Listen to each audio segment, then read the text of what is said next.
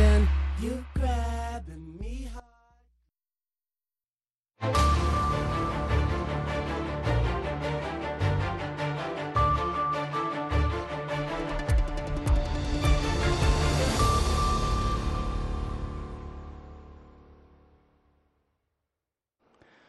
halkani waa washington laanta afka soomaaliga ee v o a oo aad ka dhageysanaysaan mawjadaha gaagaaban efmiyada geeska afrika iyo caalamka oo dhan oo aad nagala socotaan v o a somaly com.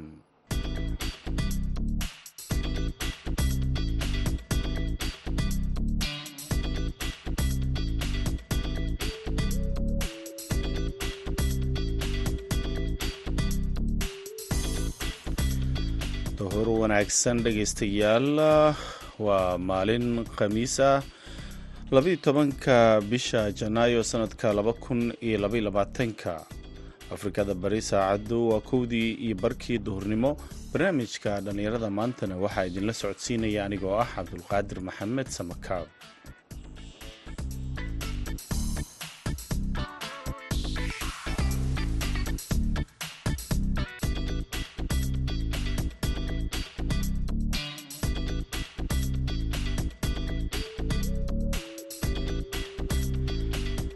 qodobada aad ku dhegaysan doontaan idaacaddeenna duhurnimo. Waxaa ka mid a tartan loogu dan lahaa in dhallinyarada looga weeciyo isticmaalka maandooriyaha oo ah kubadda cagta oo lagu soo gebagabeeyey xeryaha qaxootiga dhadhaab.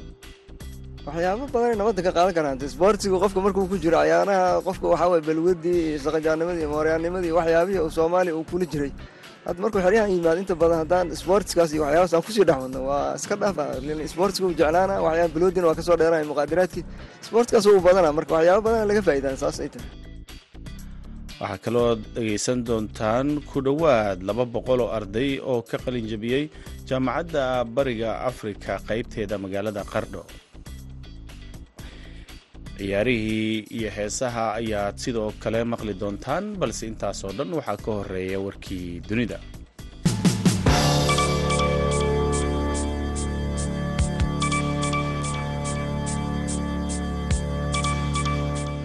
Afar ka mid ah shaqaalaha hay'adda waddooyinka ee kenya ayaa lagu dilay weerar gaadmo ah oo arbacadii ka dhacay meel u dhow xuduudda bari ee dalkaasi uu la wadaago soomaaliya sida ay sheegeen booliska shaqaalaha ayaa la socday kolonyo baabuur oo saddex ahaa oo ka yimid gaarisa una socday buura. Markii uu haleelayay qaraxa lagu aasay waddada kaas oo la tuhunsan yahay inay ka dambeyso kooxda al-shabaab ee soomaaliya sida ay sheegeen booliska.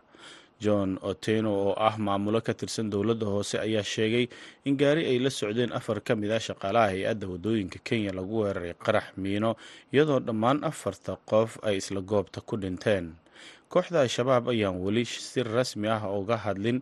Dhacdadan al-shabaab ayaana weerar dhimasho leh hore uga fulisay dalka kenya sannadihii la soo dhaafay.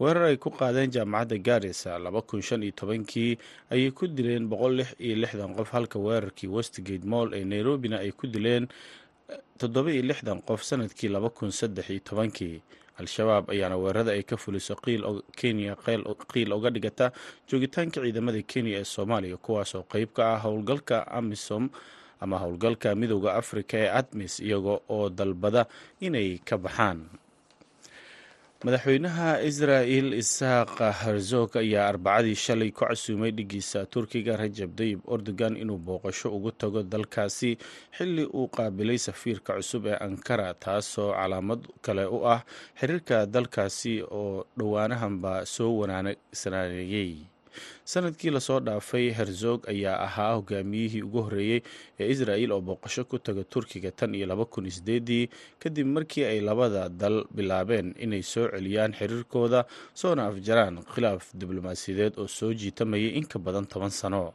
Labadan dal ayaa ku heshiiyey inay si wada jira u magacaabaan safiiro bishii agost ee sannadkii hore ra'iisul wasaaraha israa'il benyamin netanyahu ayaana ku guuleystay doorashadii novembar waxayna isaga iyo erdogan ku heshiiyeen inay sii wanaajiyaan xiriirkooda. Kusoo laabashada netanyahu ee xukunka israa'il ayaa kicisay falastiiniyiinta iyo xulafada reer galbeedka iyo carabta kuwaasoo ka cabsi qaba inay sare u qaado xiisadda bariga dhexe. Turkiga ayaa toddobaadkii hore ku biiray dowladihii cambaareeyey booqashadii wasiirka amniga qaranka israa'il ee midigta fog edmar ben gever uu ku tegey dhismaha masjidka al aqsa ee magaalada qudus dhegeystayaal warkeennii dunidana waa nageynta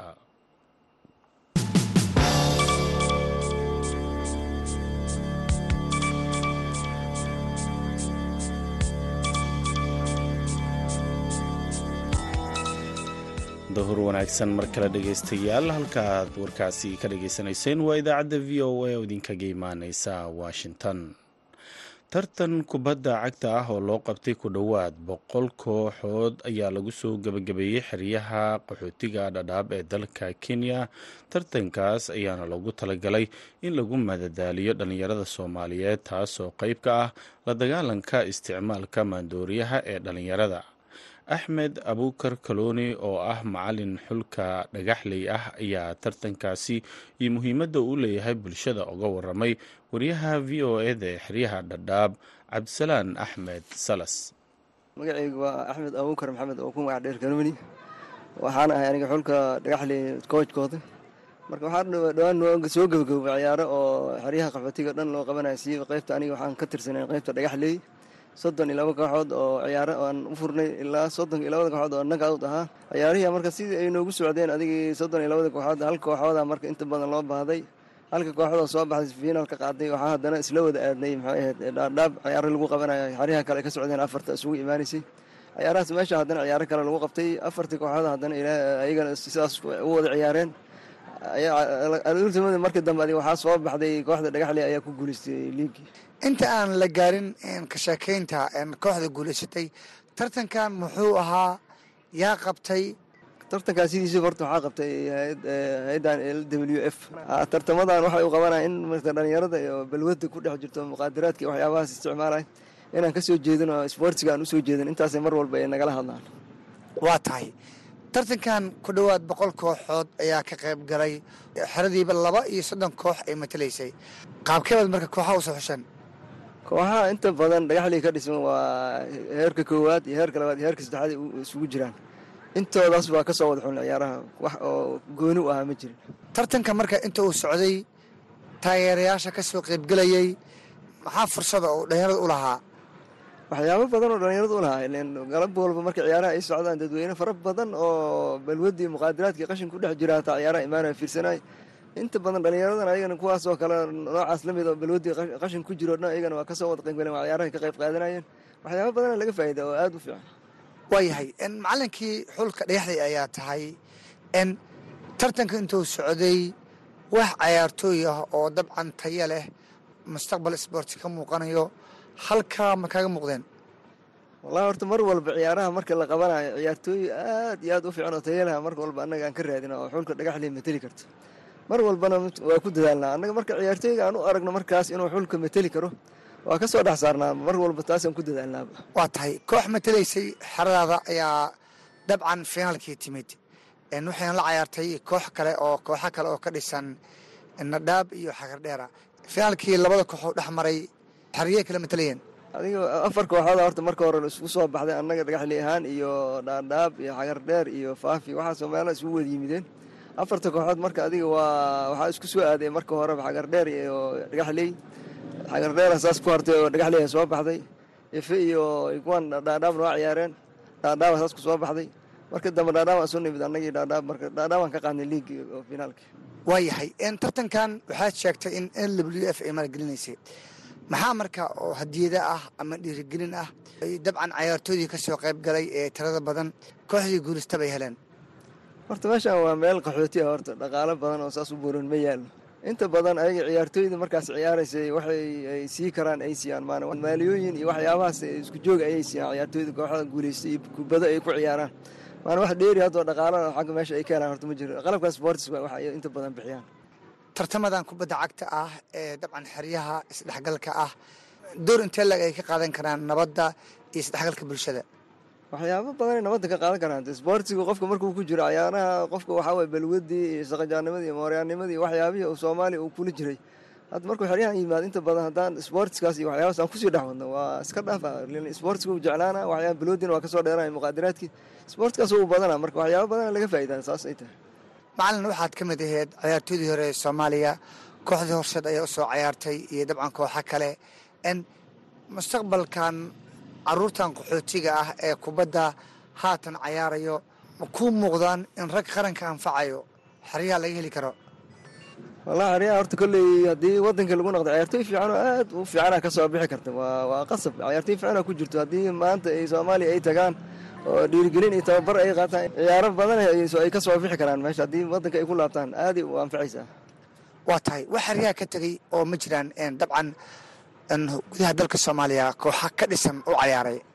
Hadda ciyaartooy badan waa jiraan. Hadda oo waddanka ku noqdo hadda sida kismaayo muqdisho qaar u noqdo kooxii waaweyna hadda ka ciyaara ilaa heer qaran gaareen waa jiraan. Waa waa badan yahay ciyaartooyda oo ka baxday hadda qaxootiga oo xagga tagto. Aaday u badan yihiin waayahay in ugu dambeyntii macalin axmed dardaaranka aad siinayso dhalinyarada qaxootiga ah ee kubadda cagta ku mashquulsan sboortis qaybihiisa kale maxay tahay wallahi waxyaaba badan horta ilmaha ku mashquulsan yihiin. Sboortigan maana keliya waxyaaba badan hami weynaan ku jira ciyaalka. Wax walbay samaynayaan. Marka inkastoo ayaga waxay u baahan yihiin laakiin ilmaha dhiirigelin zaayid in loo sameeyo tababar fiican la siiyo. Waxyaaba badana u soo baxa marka hamigooda aad u weyn marka waxaan ciyaartooyda xeryaha qaxootiga oo dhammaantood iyo kuwa waxaan sameynaan ugu talagalay dardaaran in sideeda sboortiga ay u soo jeestaan ee balwada iyo muqaadaraadka iska dhaafaan. Intaas aynu horumar ku gaari karaan insha allah kaasi waxa uu ahaa axmed abukar kaloni oo ka mid ah tababarayaasha kooxaha ka jira xeryaha qaxootiga dhadhaab ee dalka kenya. Wuxuu u waramayey wariyaha v o eda cabdisalaan axmed salas. Markana dhegaystayaal waxaad ku soo dhowaataan kaalmihii heesaha iyo codkii ismaaciil danan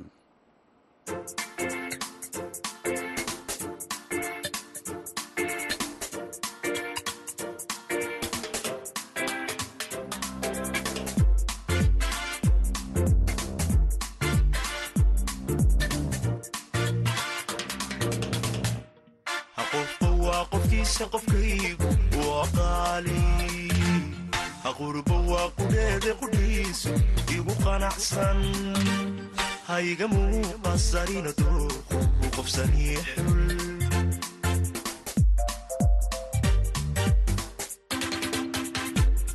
qofba waa qofkiisa qofkaygu waa qaali qurbo waa qudheede qudhiisu igu qanacsan. Hayga muuqasarina dooqu qofsanii xul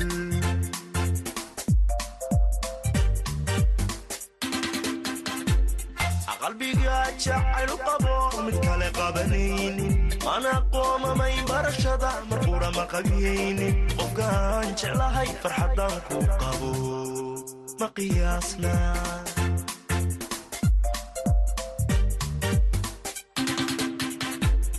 qalbiga jacaylu qabo mid kale qabanaynin mana qoomamay barashada marqura ma qabiyaynin qofkaan jeclahay farxadan ku qabo qiyaasna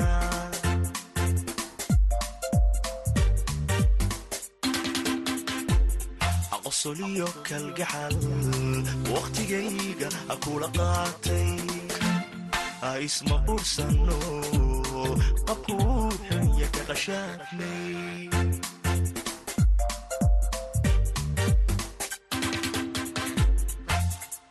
jacayl qiimaniyo daareen qaayo badan isu qiranay.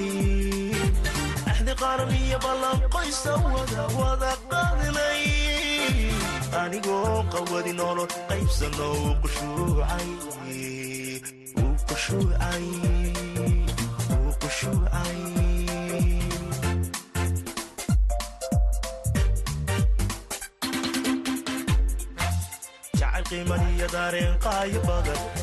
intaasaan ku dhaafna heestaasi qushuuc ee uu ku luqeeyo ismaaciil danan. Markana puntland arday ku dhow laba boqol oo isugu jira gabdho iyo wiilal ayaa ka qalin jebiyey jaamacadda bariga afrika qaybteeda qardho waxaana hadda la bilaabay dadaal shaqooyin loogu raadinayo shirkadaha kala duwan ee puntland. Wariyaha v o e da yuusuf maxamuud yuusuf ayaa warbixintan ka soo diray magaalada boosaaso munaasabadan oo ay ku qalinjibinayeen arday isugu jiray wiilal iyo gabdho oo dhammaystay kuliyadaha kala duwan ee jaamacadda bariga afrika qaybteeda magaalada qardho ayaa waxaa xafladooda kala qaybgalay mas'uuliyiin ka socday maamulka puntland waalidiin iyo weliba marti sharaf kale oo u badnaa bahda waxbarashada kuwaas oo la qaybsanayay dareenkooda waxbarasho. Inta badan mas'uuliyiintii iyo aqoon-yahanadii madasha xafladda qalinjibinta ka hadlay ayaa sheegay in wakhti badan ay soo geliyeen dhallinyaradaasi inay waxbartaan maantana ay joogaan horumar dhanka waxbarashada ah balse waxaa loogu baaqay in waxbarashadooda ay halkaasi uga harin oo ay sii wataan. Dhinaca kale mas'uuliyiinta puntland ayaa loogu baaqay in dhallinyaradaasi loo abuuro fursado shaqo iyo weliba in dalkooda ay u shaqeeyaan. Guddoomiyaha guud ee jaamacadda bariga afrika cabdirasaaq takar iyo guddoomiyaha faraca qardho jaamacaddaasi faarax cabdulaahi gardan ayaa si weyn u ammaanay dhallinyaradan doorkooda waxbarasho oo ay ku qaateen jaamacadda. Waxaan jeclahay inaan halkan uga hambaliyeeyo ardada jaamacadda bariga afrika faraha qarno oo runtii dafcaddii sideedaad ee ka qalinjebisay jaamacadda oo maanta aynu halkan munaasabadan aynu ku maamuusayno xafladdoodii ama qalinjebintoodii oo soo dhammaystay heerkii koowaad ee waxbarashada si dadaal iyo jiddeele ku soo dhammaystay maantana waxaan u rajaynaynaa ilaahayna uga baryaynaa sidii sheekh axmed uu sheegay inay waxooda warqad noqon ee ay noqdaan dad dalka iyo dadka wax ku soo kordhiya oo wax ugu dooran. Waxaan leenahay dhallinyaradeenna oo ku dhiirigelinaynaa inay la imaadaan hal abuur inay horumarka ay gaareen oo aqooneed sii wadaan inay isbeddelka loogu jiro horumarka bulshadooda ay kaalin mug leh ka qaataan.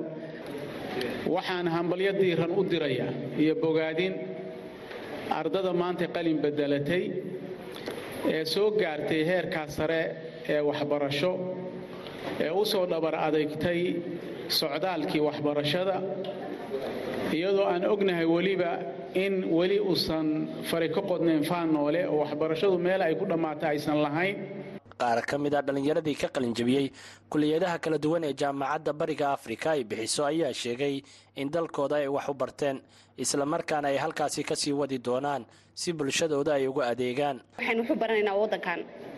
Cidda aan waxu baranaynaa waa dadkan cilmiga aan baranayno hadda maanta waxaan joognaa martabadiisa koowaad heer jaamacadeed oo waxaan joognaa baaj waxaan rajaynaynaa inaan master bilowno oo ku xujino waxaan rajaynaynaa inaan phd meelaha gaarsiino. Higsigeenna waa intaa.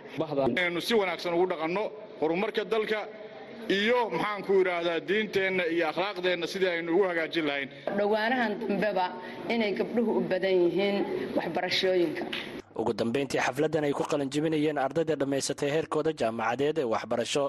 Ayaa waxaa ka hadlay guddoomiyaha degmada qardho iyo weliba duqa magaaladaasi.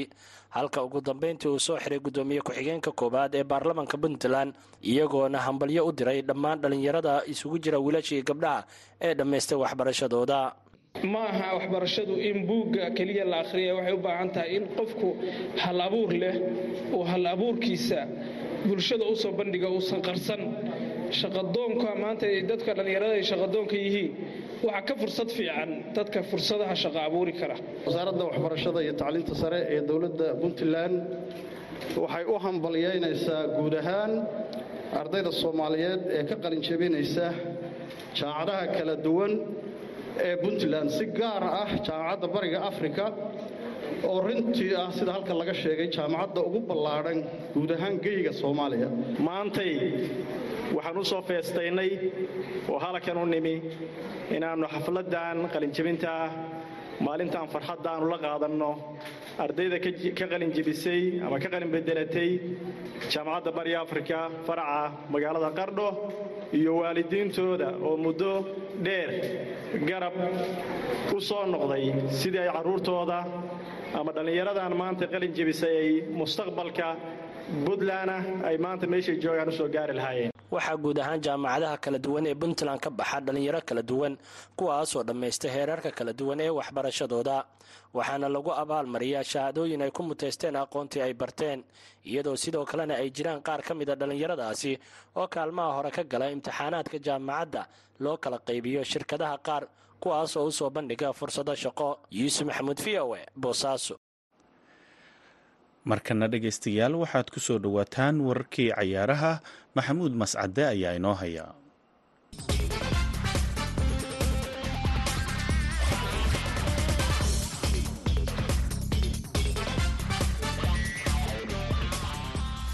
Kulan wanaagsan dhegaystayaal dhammaantiinba kuna soo dhowaada xubinta ciyaaraha aan ku bilaabaya magaalada baris ee waddanka faransiiska ciyaaryahan leonel messi ayaa markii ugu horraysay tan iyo hanashadiisii koobka kubadda cagta adduunka. Waxa uu xalay garoonka u soo galay kooxda kubadda cagta ee b s g.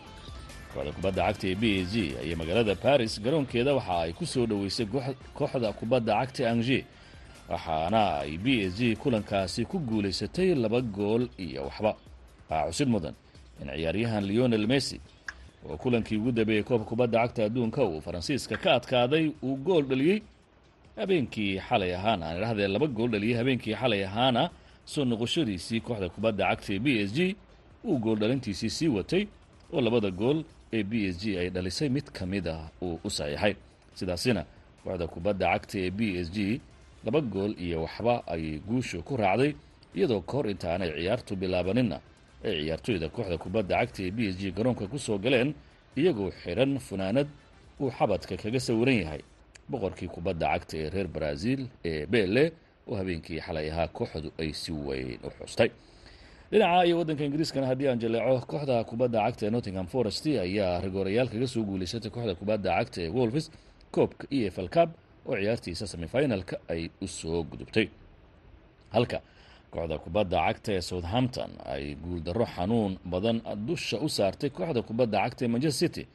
Lagama filaynin kulankaasi southampton inay guulaysan kartay maadaama ay tahay kooxda sagxadda ugu hooseysa ee horyaalka waddanka ingiriiska. Fadhiisa halka manchester cityna ay difaacanayso koobka horyaalka waddanka ingiriiska sidoo kalena loo saadaalinayaba inay koobkaasi ku guulaysanayso. Laakiin xalay garabkeeda ayaa laga baxay oo kooxdu waxaa lagu dharbaaxay laba gool iyo waxba. Sidaasina kooxda southampton ayaa u soo gudubtay ciyaaraha semifinalka. Haddaba manchester city maxaa ku dhacay?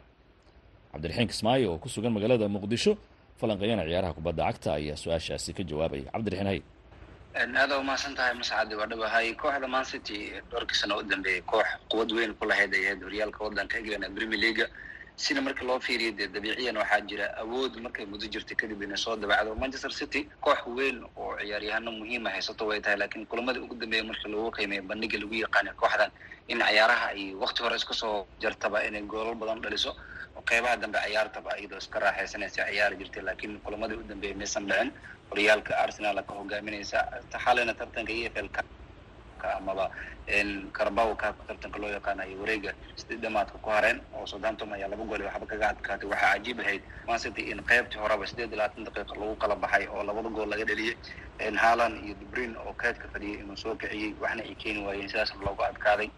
Tan iyo laba kun iyo toddobiyo tobanna ay tahay guuldaradii saddexaad oo kooxdan ku dhacaya wixii kale intaas ka ahaana tartankan ayay ku guuleysanayeen markii marxaladahan yimaadaan laakiin mancity waxaa u malaysaa beb guardiola mascad oo mararka qaar inuu shaxda aada iskugu qaldayo kooxdana waxay ila muuqataa in maskaxiyan ahaan inay daashay maadaama dhowrka sano u dambeeyey maray horyaalka ku guuleysato champions league maray u tartantay f a cupka maray ku guuleysatay tartankan. Marka koox dhammaan tartamadii ciyaaraysay marka champions league laga reebo in ahayd koox u tartamaysay horyaalka f a cupka iyo tartankan league cupka in man city markaan aada u daalayso lana moodaayo taatikooyinka ugu dambeeya ku socda beb guardiola in kii hoos u dhaca kooxda inuu yahay. Laakiin xalay in isbeddelka uu sameeyey wax uu keeni waayo ayaa loo aaneynaya marka shaxdi wax ka bedelay ayaa guuldaradii xalay uu ku dhacday city sabab way waya cabdiraxiin kooxda kubadda cagta ee manchester city toddobaadkan soo aadan waxay la ciyaareysaa kooxda kubadda cagta ee manchester united. Kulan adag oo travor ka dhacaya dad badan baa islahaa habeenkii xalay macalinka kulankaas ayuu ciyaartooydiisa u sii nasiisanayay. Guuldaradan hadda ku dhacday saameyn intee la eg ayay kulankaasi ku yeelanaysaa kooxda kubadda cagta ee manchester city city toddobaadkan toddobaadkan bilowgiisa kulanka old trafford ku wajihi doonto dhigeeda united kulanka derbiga magaalada manchester. Labadan kooxood quud ahaan ma united a quwad sareysa laakiin tan iyo laba kun saddex toban ma united horyaal maysan arkin kooxda ugu guulaha badan horyaalka inay tahay marka laga soo reebo saddex afartan aday ay kala kulmaysay iyo guuldarooyin aada u qaraar guuldaro waa guuldaro e f gaabka tartan rasmi ee kooxda ciyaaraysa u tartamaysa inay ka soo harto laba gool waxba looga adkaado weliba. Qeyb hore iyadoo goolasha laga soo dheliyey niyad jabkaas saameyn oo ku yeelan karaa maadaama kulan derbi ah koox ay hal magaalo ka wada dhisan yihiin ay wada ciyaarayaan. United kulamada u dambeeyey bandhigooda horyaalka u wanaagsanaa taasoo ka dhigan marka manchester haddii adkaata xataa in booska labaad city ku jirto waxaan qaltaagi karto. Marka city culeys aad u weyn ku yahay in f l cup ay guuldaro soo gaarto. Niyaddana waa wax ugu weyn ciyaarta ka hor sagaashka daqiiqataan la ciyaarin koox amaba ciyaartoy haystaan. Marka moral ahaan manchester ka moral sareyso. Inay wax u dhinto boqol kiiba boqol waa suurtagal guuldaradii e f l cup ka soo gaartay city. Waaya dad badan macalin beb guardiola kuwa dhaliila weliba waxa ay sheegaan kulamada qaar in uu isagu iswareeriyo shax aanu ku dheeli jirin oo garoonka la yimaado taasina mararka qaar ay kooxdiisa khasaaro u keento. Maalin dhoweyd mar uu warbaahinta la hadlaya waxa uu sheegay in kulanka manchester united uu yahay kulan adag isla markaasina uu shaxdiisa wax ka bedeli doono. Maxaa la filayaa inuu sameeyo? Waxba kama bedeli doonto. Shaxda caadiga horyaalka ku ciyaaro ayuu ku ciyaari doonaa maadaama kooxda leedahay tusaale kugu filan badbreni haalan oo xaalay keed ku jiray fil bis uu qadka dhex ku soo bilaabay. Ciyaartooy badan oona safka hore haysanin xataa man city laga yaaba dooqa saddexaad ciyaartooyda ahaa inuu kulankii cup ku soo galay. Marka wax macno masii samayn doonto lineupkiisa lagu yaqaano caadiga ahaa ama shaxda koowaad city ayuu garoonka la soo geli doonaa. Marka ugu yaraan taageerayaasha iyo niyadda ugu qaboojinaya ay la tahay laakiin pep guardiola mar walba waa tababare taati ka badan oo horyaalkana premier league tan nin awood iyo quwad xoogan kule u yahay. Manchester wajahayaan horyaalka hadda dhamaanayaba kooxdan inay is soo arkeen. Marka man united iyo eric ten hag uu hogaamiye city. Culeys badan ay kala kulmi kartaa laakiin as wuxuu u muuqdaa mid uu taageerayaasha mid ugu qaboojinayo is leeyahay guuldaradan ku ilowsay. Kulamadii ugu dambeeyay habaacsanaanta kooxda laga dareemayana ugaraan sida ugu laab qabooji taageerayaasha shaxadii caadiga lagu yaqaano waxaana samayn doona dabcan. Haddii keed ahaana ma ku soo bilaabi karo marka. Taasaa la is dhihi karaa in ugu yaraan wax un u samayn karo beeb. Waay aad baad mahadsan tahay. Dhegeystayaaalkaasi waxa uu ahaa abdiraxiin kismaayo oo isagoo jooga magaalada muqdisho. Barnaamijka martiba intaynu dhegeystayaal mar kale dib u kulmi doono. Waa mascadoo idila sidaa iyo nabadgelyo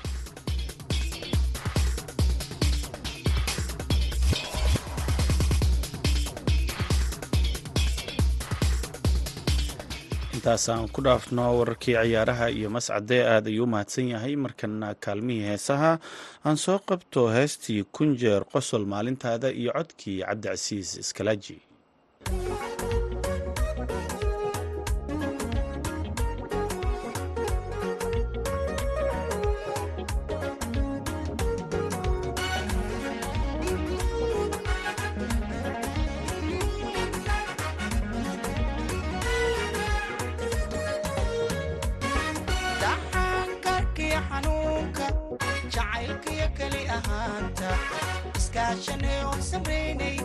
canzone